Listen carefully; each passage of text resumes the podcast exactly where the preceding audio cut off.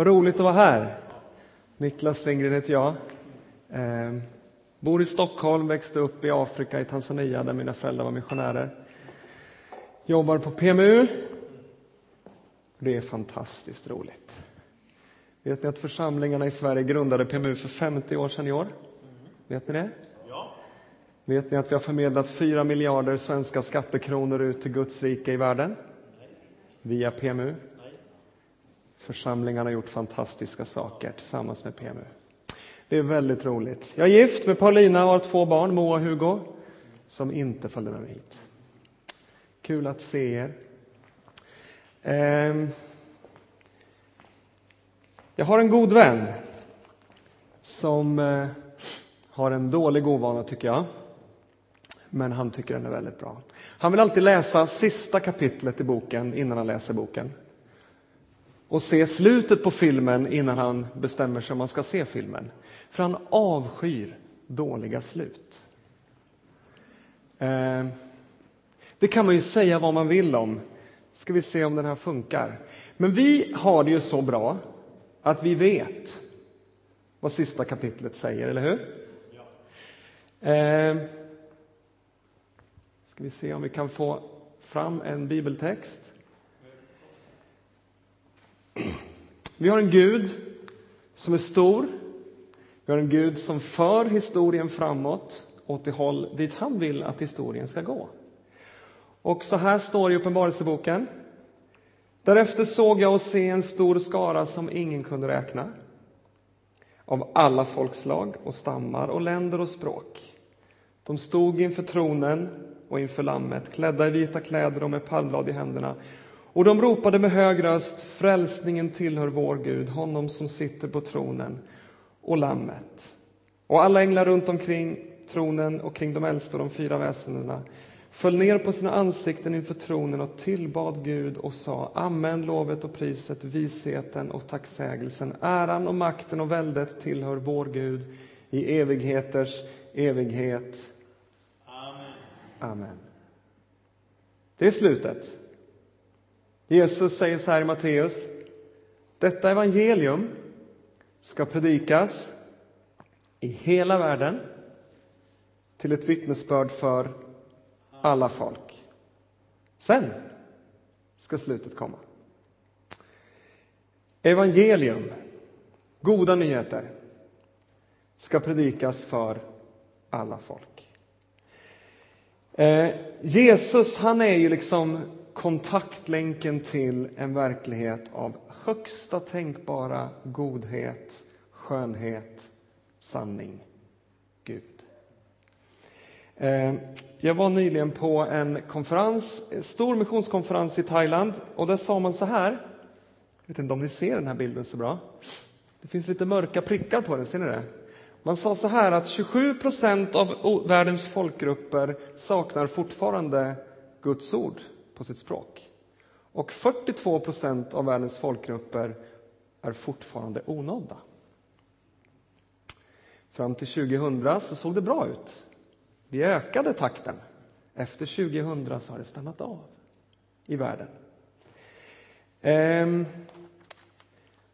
Så uppenbarligen har det här Gudsriket, det här goda evangeliet, inte ännu kommit så långt som det skulle i Guds tanke. Men Gud för ju historien framåt. Det finns ytterligare ett perspektiv på detta med Gudsriket som en del av er kanske har hört. Om man tog världens befolkning och tryckte ner i en by med hundra invånare så skulle proportionerna se ut så här.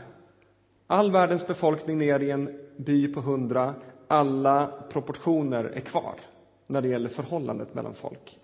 Då skulle den rikaste i byn äga 65 gånger mer än de 50 fattigaste tillsammans. Va? Ja. 16 skulle vara analfabeter, de skulle vara vuxna och aldrig fått gå i skolan. 12 skulle vara hungriga varje dag. 12 skulle bo i slummen i byn. 11 skulle inte ha tillgång till rent vatten. Över 30 i byn skulle inte ha tillgång till god sanitet. Vi som är vana vid det, vi tänker nog inte vad det betyder. Men har du varit i slummen någon gång så förstår du vad det betyder. Och 35 i byn skulle inte få tro och tänka och tycka vad de vill. Därför att de skulle leva i en repressiv, auktoritär regim i sin del av byn. Låt det komma lite nära. Tänk att du lever i den här byn och du står och tittar över ditt staket från din lilla trädgård. Vad är det du ser? Det är ganska lätt att hålla ifrån sig när man bor här, men kanske inte om vi tillåter oss att plocka ner proportionerna lite. När Jesus träder in så säger han så här. Herrens ande över mig, ty han har smort mig till att predika glädjens budskap till de fattiga. Han har sänt mig för att ropa ut frihet till de fångna. Han har sänt mig och syn för de blinda för att ge dem betryckta frihet och predika ett nådens år från Herren. Vad var nådens år? Var femtionde år avskrevs alla skulder. Alla blev likställda igen. Nådens år. Den frihet säger Jesus att han kommer för att ge. Andlig frihet och frihet från fattigdom. Och egentligen säger Jesus så här att vara andefylld, det är att sätta människor fria. Är du andefylld så är du med och sätter människor fria. Det är det Jesus säger. Frihet från vad? Såklart andligt betryck. Slaveri. Vet ni att det finns fler slavar i världen idag än för 200 år sedan när Wilberforce kämpade för slaveriets avskaffande? Det finns 27 miljoner slavar i världen idag, beräknar man. Fattigdom. Idag, igår, imorgon dör 30 000 människor för att de är hungriga frihet. Förtryck, våld. Jag satt och läste den här boken på vägen ner idag, äh, igår på tåget lite grann. De glömda kvinnornas röst. Berättelser från Kongo. 36 kvinnor varje dag utsätts för ett sexuellt våld som vi bara kan... Nej, vi kan inte tänka hur det är.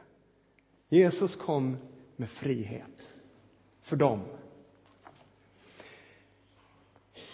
Vi lever i en värld som är kännetecknad av ganska stor kris, egentligen.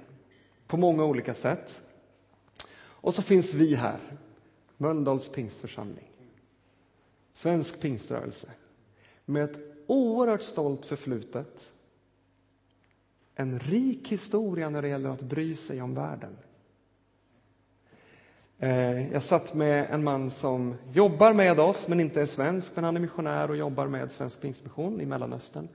Och han hade rest runt i svenska pingstförsamlingar och så sa han, åh, jag gråter.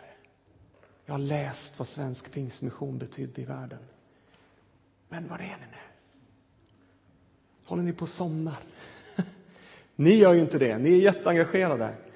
Men som helhet, håller vi på att tappa det? manteln som lades över svensk pingströrelse. Vad Gud vill att vi ska betyda.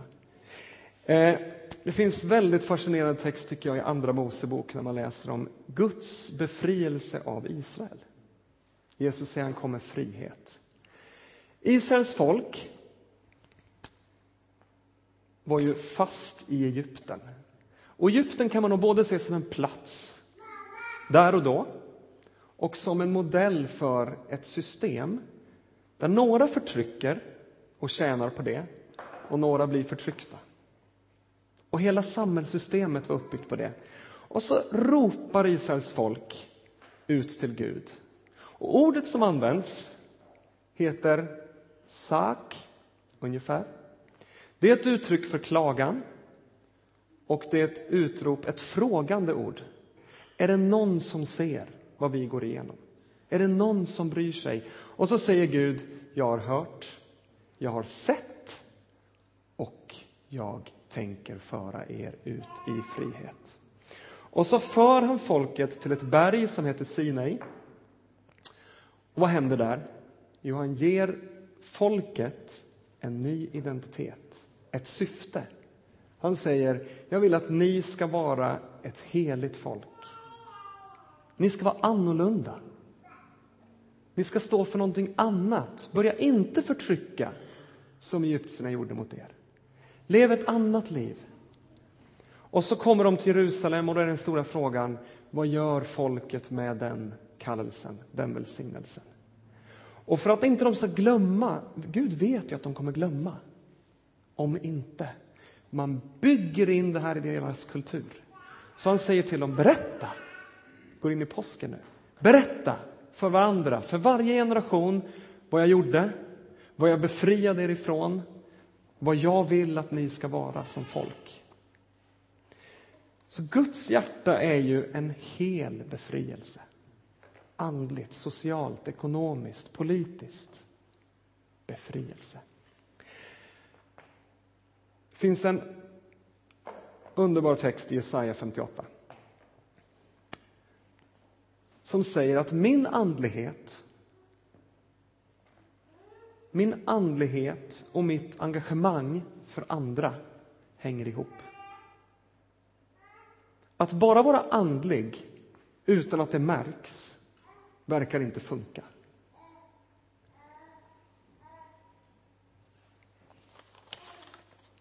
Detta är den fasta jag vill ha, säger Herren. Lossa orättfärdiga bojor Lös okets band, släpp de förtryckta fria, bryt sönder alla ok, dela ditt bröd åt den hungrige, skaffa de fattiga och hemlösa en boning.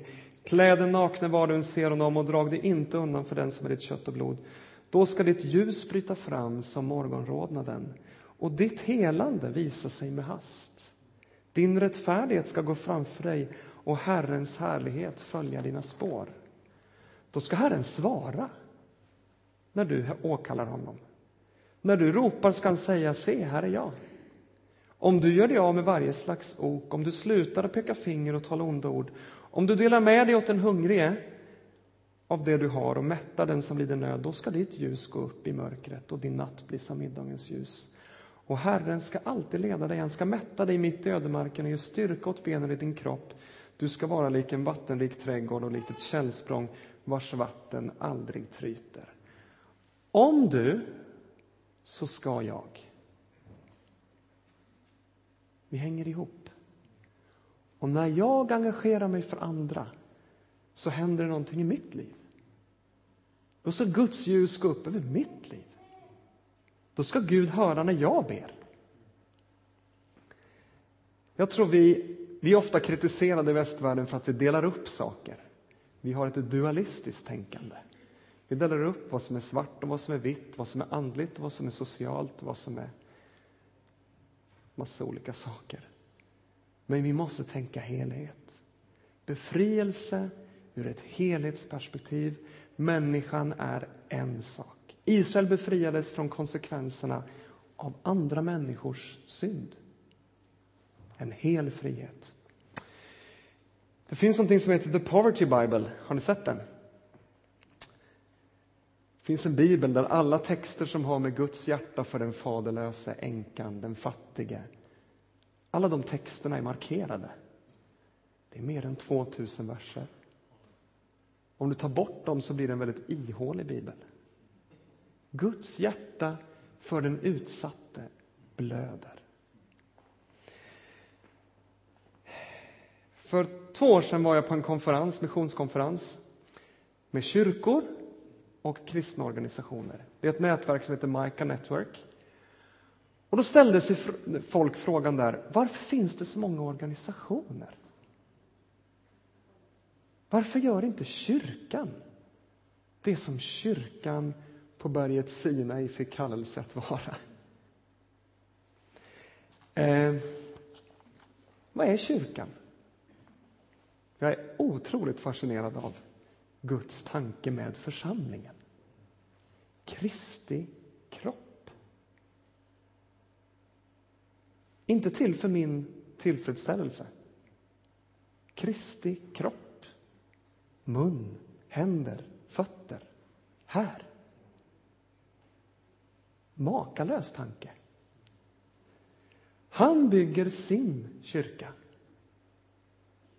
I Första Timoteusbrevet 3 och 15 står det om Guds hushåll. Hur vi ska bete oss i Guds hushåll. Guds församling. Inte en förening där vi möts för att vi tycker samma sak. Guds Kristi kropp, Guds hushåll. Präglad av Guds DNA. Eller? Om det är Kristi kropp. Och vad står det om Gud? Johannes 3 och 16. Gud är kärlek. Första Johannes 4 och 7. Vi måste älska varandra eftersom Gud är kärlek. Gud är helig. Och vi ska vara heliga. Vi förväntas ha en inre drivkraft mot Kristi fullhet, står det i Efesierbrevet. Bli heliga så som han är helig. Gud är tjänande, hörde vi här nyss.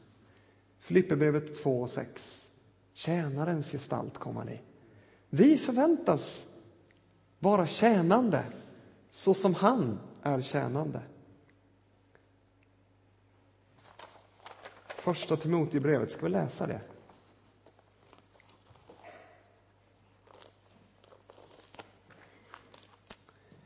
Första Timoteusbrevet 2. Först av allt uppmanar jag till bön och åkallan, förbön och tacksägelse för alla människor, för kungar och alla i ledande ställning så att vi kan göra ett, föra ett lugnt och stilla liv på allt sätt gudfruktigt och värdigt. Sådant är rätt och behagar Gud, vår frälsare, som vill att alla människor ska komma till frälsning, komma till insikt om sanningen. Ty Gud är en och en är medlare mellan Gud och människor, en människa, Kristus Jesus, som gav sig själv till lösen i alla ställen. Detta vittnesbörd skulle framföras när tiden var inne. Och för detta vittnesbörd har jag blivit satt till härold och apostel. Guds syfte och vårt syfte. Guds hjärta, vårt uppdrag. Utan mission tänker jag att kyrkan upphör att vara kyrka. Man kan inte vara Kristi kropp om inte det syns. Det går inte. Någon annan uttryckte så här, kyrkan är ett organ för gudomligt liv. Alltså i världen, men inte av den. Ibland tänker jag att vi har vänt på det där och så är vi av världen, men inte i den. Men vi ska vara i världen, men inte av den. Hans är härligheten genom kyrkan. Hans härlighet ska bli synlig genom kyrkan, står det. Symbol för internationellt broderskap. Här är inte längre jude eller grek, slav eller fri, man eller kvinna. Alla är. Första gången någon säger sånt i världslitteraturens historia, att alla människor är lika mycket värda. Det var inte FN som kom på det. Det är kyrkans DNA. Måttstocken för internationell rättvisa är också kyrkan. Det står att kyrkan ska vara, är den levande Gudens församling, sanningens pelare och grundval. Är det någon som talar sanning så är det kyrkan. Jordens salt och ljus, sa Jesus. När behövs det salt? Krydda på tillvaron. Mot förruttnelse. Vad hjälper det om saltet mister sin sälta? Vad blir det då av kyrkan? Jag älskar en annan liknelse som Jesus använder om församlingen och det är gäst. Vad gör gästen? Gästen arbetas in i en deg och plötsligt får hela degen samma eh, vad säger man? DNA säger man inte. Sam, någonting händer så att allting blir så som bara gästen var först. Så är det med, så är det med Guds riket. Arbetas in och så plötsligt kommer karaktärsdrag fram i hela degen. Det ehm, finns någon som har satt upp en bild över skillnader mellan det som är Guds rike och det som är världens rike. Det tänkande som vi fostras i hela tiden. I världen så måste man ju se för att kunna tro att det har hänt. I Guds rike måste du tro för att få se. I världens rike så är ju en förlust alltid en förlust men inte i Guds rike. Du måste förlora för att kunna vinna.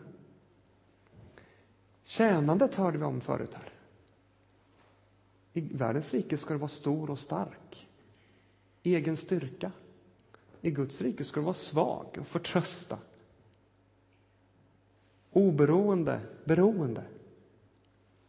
Det är väldigt stora skillnader på det som är Guds rike och det som inte är Guds rike. Som vi är kallade att leva i. Jag läste om den första församlingen när den bröt fram i romarriket. Det är en väldigt fascinerande sak. Romarriket var ju extremt hierarkiskt. I romarriket var det viktigt att vara man och medborgare. Var du inte romersk medborgare så var du andra klassens medborgare. Var du kvinna var du andra klassens medborgare. Var du slav så var du självklart också andra klassens medborgare.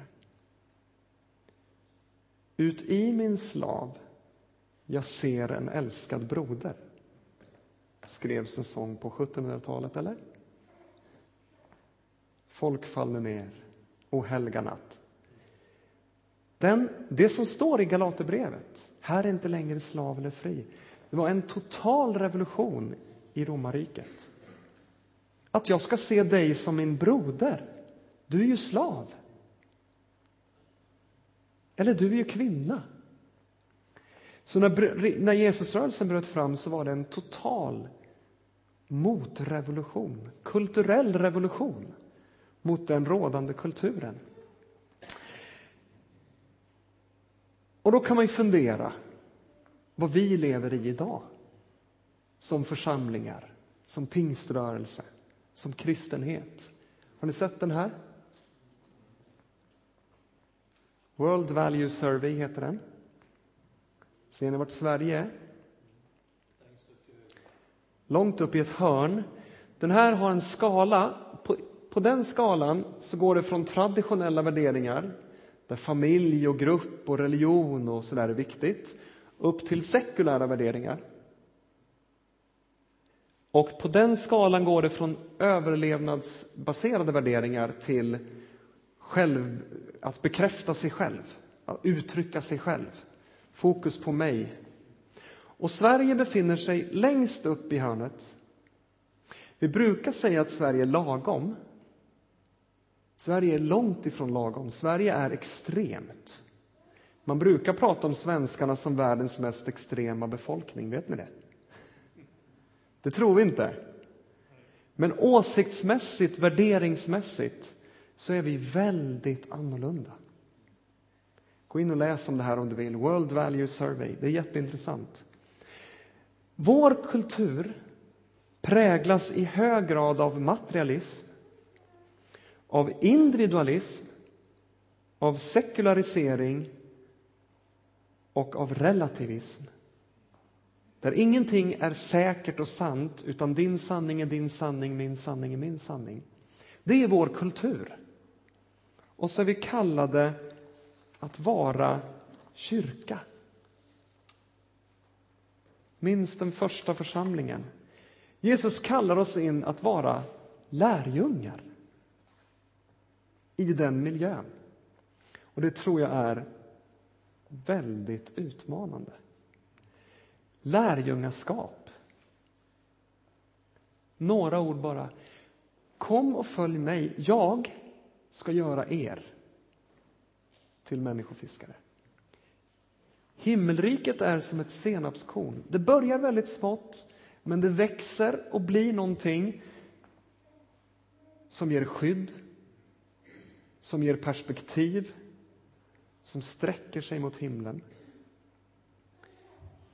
Vi är kallade att tillsammans med alla heliga förstå längden, bredden, höjden, djupet, står det i Efesierbrevet. Tills vi alla blir fullvuxna och når en mognad som svarar mot Kristi fullhet. Jesus DNA hos sina lärjungar. Ehm,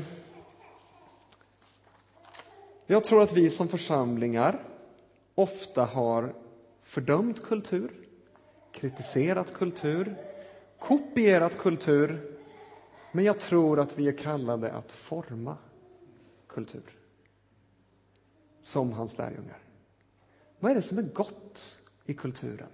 Fira det. Vad är det som är förvirrande i kulturen? Förtydliga. Övertyga människor om bra vägval. Vad är det som saknas? Skapa det. Vad är det som är fel? Konfrontera det. Som Paulus gjorde. Här är inte längre slav eller fri, man eller kvinna. Gud ser inte på oss på det sättet. Det var fel i kulturen. Eller som det står i Romarbrevet 12 och 21. Låt inte besegras av det onda, utan besegra det onda med det goda. Om man slår upp i Wikipedia vad en lärjunge är, så står det så här. Lärjunge, lärling, elev, i en speciell betydelse den som följer en mästare och tillägnar sig dennes lära, levnadsmönster, andliga insikter. Förhållandet mästare-lärjungar förutsätter att det finns kunskaper som man inte kan förvärva genom studier utan enbart genom långvarig personlig kontakt med en andlig ledare som har en djupare erfarenhet. Rätt bra beskrivet. Att följa Jesus, att vara en lärjunge. Det är fascinerande att läsa om vad det innebar i den judiska traditionen där Jesus trädde fram. Ehm, där var det ju så här, alltså Tora, lagen, kallades för vägen, sanningen och livet. Att kunna lagen, det var att ha livet. Så när man var sex år som pojke så satte man ju sig i det som heter Beit Sefer, eller något liknande. House of the Book, bokets, bokens hus, och studerade. Tills man var ungefär 12. Då lämnar de flesta, efter att ha lärt sig lagen utan till och gick till sin pappa och lärde sig pappans yrke. Men de bästa fick stanna och gå till nästa nivå som heter Beit Talmud. Där man gick vidare med att studera resten, de 39 andra böckerna. Nej, alla böckerna. 39 böcker i Gamla testamentet. Och all muntlig tradition. Och så memorerar man det. Efter en liten, ett tag till där så söker sig de allra bästa lärjungarna till en rabbi, till en mästare. Och så säger man så här, kan jag få vara din lärjunge? Jag skulle vilja vara det du är. Jag skulle vilja sitta med dig och lära mig det du kan. De bästa, om rabbin så bedömde, blev upptagna som lärjunge och fick sitta, gå med och vara med lär, eh, rabbin till man var ungefär 30. Då var man redo att själv bli en rabbi. Och så möter vi Jesus. Vad gör han? Han kommer till Genesarets sjö. Han möter Petrus och Andreas som är fiskare. Varför är de fiskare? De hade uppenbarligen inte varit goda nog i sitt studerande. De har lärt sig pappas yrke, eller håller på att lära sig pappas yrke. Så säger han så här, kom och följ mig. I judisk tradition så var det lärjungen som sa, kan jag få följa dig? Men då, men, då, men då säger Jesus, kom och följ mig. Jag tror att ni kan bli som mig. Var med mig, umgås med mig. Han säger att han tror på dem. Och när Jesus blir som mest frustrerad på lärjungarna, när är det? Det är när de inte tror att de kan. När Petrus sjunker i vattnet. Varför tror du inte Petrus? Jag tror ju på dig, du kan ju bli som mig. Lärjungaskap i en värld som i väldigt hög grad idag kännetecknas av vad jag skulle vilja kalla systemfel. Har ni fått systemfel på era datorer någon gång? Det är mycket saker som inte är rätt i världen idag. En del förtrycks och andra njuter frukten av att de förtrycks. Jag tror vi är kallade att hjälpa individer till frihet. Jag tror vi är kallade att förändra kulturer. Och jag tror vi är kallade att förändra samhällssystem. Jag tror vi är kallade att avslöja lögner. Det finns många lögner idag. Det finns ingen morgondag. Allt handlar om dig. Det finns ingen sanning. Människan har inget värde. Fatalism. Det spelar ingen roll. Det går som det går. Lev livet, det går ändå som det går. Allt det där är lögner som jag tror att vi som församlingar är kallade att avslöja. Eh, vet ni vem doktor Mukwege är i Kongo?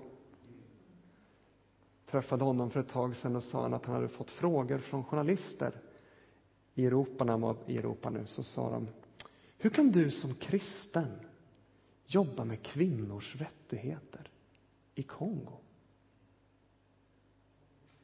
Sa han, jag blev helt stum, sa han. Vad menar de? Det är ju för att jag är kristen som jag jobbar med detta. Det är för att Gud har lagt det här. Jag kan ju inte vara tyst. Men bilden journalisterna hade var, hur kan du som kristen bry dig om kvinnors rättigheter? Vi är kallade att leva annorlunda. Filipperbrevet 1 och 27 står att vi ska leva värdigt evangeliet. I grundtexten står det faktiskt att vi ska leva som medborgare. Värdiga medborgare i Guds riket. Salt har vi redan pratat om, motverka förruttnelse och att leva med ett syfte. Efesierbrevet 4, nej 2 och 10. Hans verk är vi, skapade i Kristus Jesus till goda gärningar som Gud har förberett så att vi ska vandra i dem. Men hur ska allt det här gå till? Och det finns nog bara gamla sanningar, tror jag.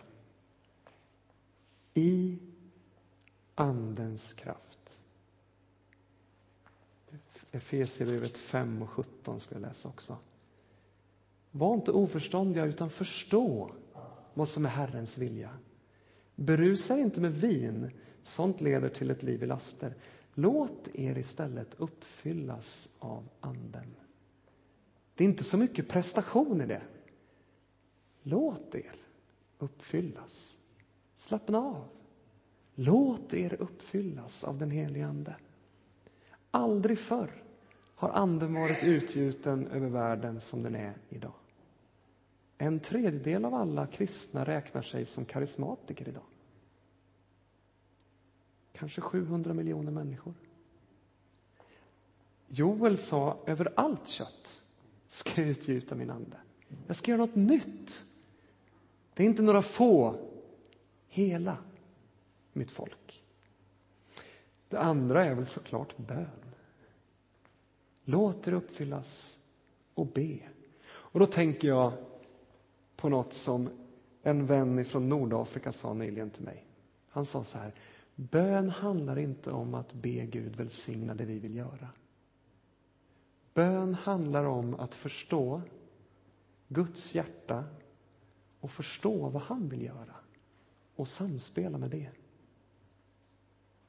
Så även bönen blir ganska avslappnad ur det perspektivet. Han sa också så här, Gud skakar både länder och världen idag med ett syfte. Och när han skakar världen så talar han alltid först till sitt folk om vad han ska göra och vad han vill att hans folk ska göra. Frihet.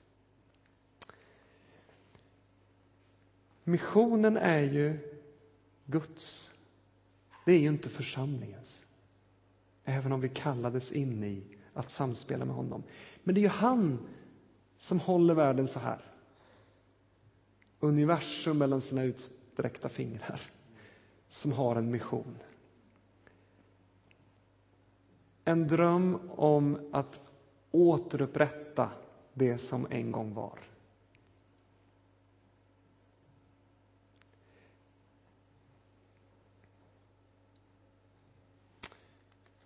Och då tänker jag så här idag. Vi kan mycket, vi människor. Men vi kan inte skapa liv. Det kan bara Gud. Jesus säger, jag är livet. Och salmisten säger, hos dig är livets källa. Gud är den som skapade och den som skapar nu. Vad behöver du att han skapar idag i dig? För att du ska vara den lärjunge som han drömmer om att du ska vara. David säger i psalm 51 och 12 att han drömmer om ett rent hjärta och en frimodig ande. Vad längtar du efter? Kanske aldrig att du har förstått Guds hjärta för dig som hans lärjunge. Med ett rent hjärta. Kanske har törnar i livet gjort att du inte längre har en frimodig ande. Gud kan och vill skapa något nytt i dig och i mig idag. Det finns något som heter Kapstadsöverenskommelsen där kyrkor i världen har enats om formuleringar om vad är vårt uppdrag. Och jag vill sluta med några citat därifrån. Då säger de så här. Vi älskar världens fattiga.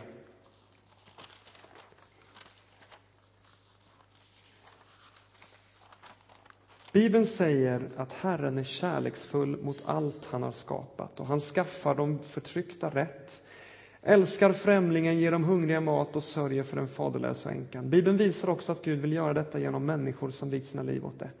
Gud ställer särskilt sådana till svar som utsätts att utöva politiskt ledarskap eller skipa rätt i samhället. Men Gud anbefaller hela Guds folk genom lagen och profeterna, saltaren och vishetslitteraturen, Jesus och Paulus, Jakob och Johannes att återspegla Guds kärlek och rättvisa genom praktisk kärlek och rättvisa mot de fattiga och nödlidande. Denna kärlek till de fattiga kräver inte bara att vi älskar medlidande och barmhärtighetsgärningar utan också att vi skipar rättvisa genom att avslöja och bekämpa allt som förtrycker och utnyttjar de fattiga. Vi bör således inte vara rädda för att fördöma det som är ont och orättvist, varthelst detta existerar. Vi skäms över att erkänna att vi i detta anseende inte har delat Guds lidelse, inte har förkroppsligat Guds kärlek, inte har återspeglat Guds karaktär och inte har gjort Guds vilja. Vi överlåter oss på nytt att verka för rättvisa, inklusive solidaritet med och kamp för de marginaliserade och förtryckta. Vi inser att denna kamp mot ondskan ingår i en andlig kamp som endast kan föras i den heliga Andes kraft under ständig bön med hjälp av korsets och uppståndelsens seger. Evangeliet om Guds riket med frihet ska predikas för alla folk. En frihet som är hel. Och därför gör Jesus detta. De elva lärjungarna begav sig till Galileen, till det berg där Jesus hade befallt dem att gå. När de fick se honom där föll de ner och hyllade honom. Men några tvivlade. Då gick Jesus fram till dem och talade till dem och sa Åt mig har getts all makt i himlen och på jorden.